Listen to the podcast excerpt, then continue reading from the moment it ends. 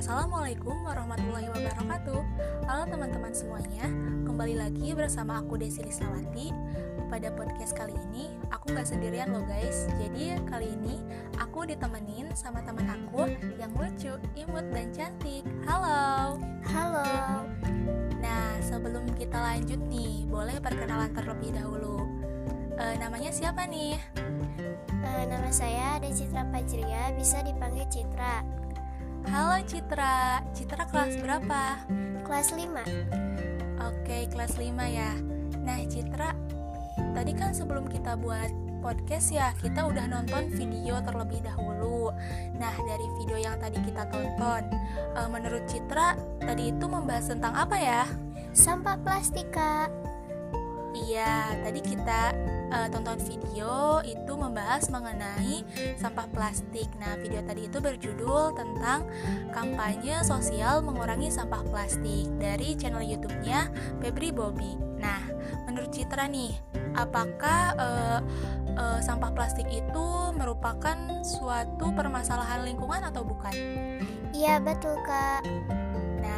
Betul ya. Jadi sampah plastik ini merupakan suatu permasalahan lingkungan. Nah, dari video yang tadi kita tonton, kira-kira kenapa sih orang-orang itu suka menggunakan plastik? Karena ringan, kuat, dan murah. Iya betul ya, karena sifat plastik yang ringan, kuat, dan murah ini, plastik dapat diolah menjadi berbagai hal. Nah, kira-kira nih, e, menurut Citra, apa aja sih e, benda di sekitar kita yang terbuat dari plastik? botol, bola, kantong kresek. Betul ya. E, tadi ada bola, lalu ada botol dan kantong kresek ya. Itu merupakan benda-benda yang terbuat dari plastik. Nah, ada informasi juga nih buat teman-teman yang sedang mendengarkan e, bahwasanya pada tahun 2015 penggunaan plastik di seluruh dunia mencapai 322 juta ton dan dari sekian banyak plastik yang digunakan, ada sekitar 43% itu menjadi sampah. Nah, menurut Citra nih, sampah plastik ini uh, mudah uh, terurai atau sulit terurai? Sulit terurai, Kak. Iya, betul ya, e, sampah plastik ini merupakan sampah yang sulit terurai. Dan perlu kita ketahui juga ya, sampah plastik ini membutuhkan waktu puluhan hingga ratusan tahun untuk dapat hancur dan terurai secara alami. Nah, karena sifatnya yang sulit terurai, plastik yang terbuang ke tanah dapat membendung menyerapnya air hujan. Akibatnya, e, membuat tanah jadi kurang subur dan menyebabkan kematian pada hewan seperti cacing yang bermanfaat membantu menyuburkan tanah. Nah, e, menurut Citra nih, sampah plastik yang dibuang sembarangan itu bisa menyebabkan apa sih? Banjir. Nah, betul ya, dapat e, menyebabkan banjir ya. Kalau misalkan kita buang sampah sembarangan, itu dapat menyumbat saluran pembuangan air sehingga ketika hujan turun, sampah yang ikut terbawa arus air masuk dan e, masuk dan menyumbat saluran pembuangan sehingga mengakibatkan banjir. Begitu pula dengan sampah plastik yang terbuang dan berakhir di lautan sampai plastik tersebut bisa membunuh binatang laut seperti paus, lumba-lumba, kura-kura, dan berbagai jenis binatang laut lainnya. Nah, sehingga pada akhirnya lebih dari satu juta binatang laut mati tiap tahunnya akibat makan sampah plastik. Nah, dari berbagai macam masalah yang timbul nih dari masalah plastik ini. Kita harus bertanggung jawab dan lebih bijak menggunakan plastik dan menerapkan pola hidup ramah lingkungan dengan cara membatasi penggunaan produk yang menggunakan bahan plastik.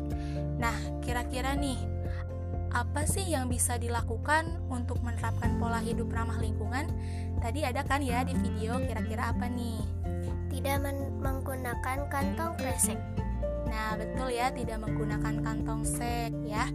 Nah, jadi kantong kresek ini atau kantong plastik ini dapat e, di, diubah atau diganti menggunakan kantong plastik e, eh mohon maaf, kantong yang e, ramah lingkungan ya. Lalu dapat menggunakan juga botol minuman yang dapat diisi ulang ya, sehingga tidak perlu membeli air minum kemasan. Nah, lalu ada juga menyediakan tempat sampah organik dan anorganik di rumah dan di lingkungan sekitar.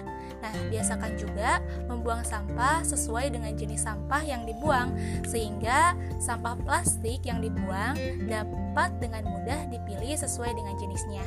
Nah, dan kemudian didaur ulang untuk diolah menjadi produk yang bermanfaat. Nah, kira-kira nih sebelum kita tutup podcast ini, uh, ada yang mau ditanyakan terlebih dahulu nggak sama Citra? Ada kak, bagaimana cara membedakan sampah organik dan anorganik? Oke, cara membedakan sampah organik dan anorganik ya. Nah, untuk sampah organik adalah sampah yang berasal dari sisa makhluk hidup yang eh, yang mudah terurai secara alami tanpa proses campur tangan manusia untuk dapat terurai. Nah, contohnya itu ada nasi, kulit buah, lalu ada buah dan sayuran busuk. Nah, untuk sampah anorganik sendiri adalah sampah yang sudah tidak dipakai lagi dan tentunya sulit terurai. Nah, contohnya itu seperti yang tadi kita sudah bahas, ada plastik, lalu ada botol atau kaleng minuman, ada kresek juga dan lain-lainnya. Nah, bagaimana nih? Apakah sudah bisa membedakan sampah organik dan anorganik? Bisa, Kak. Wah ya, berarti kalau misalkan sudah bisa membedakan ya, jadi sekarang sudah tahu kalau membuang sampah itu harus sesuai dengan jenisnya. Nah, peduli sampah plastik berarti peduli terhadap lingkungan. Peduli terhadap lingkungan berarti peduli terhadap kehidupan kita dan kehidupan generasi di masa depan. Nah, bagaimana nih setelah tadi kita menonton video lalu membahas mengenai permasalahan sampah plastik, uh, Citra siap gak untuk menjaga lingkungan? Siap kak. Wah mantap banget nih, udah siap guys ternyata. Mari bersama mengurangi sampah plastik. Nah, alhamdulillah guys, pembahasannya sudah selesai. Uh, sekian yang dapat saya sampaikan pada podcast kali ini. Uh, wassalamualaikum warahmatullahi wabarakatuh.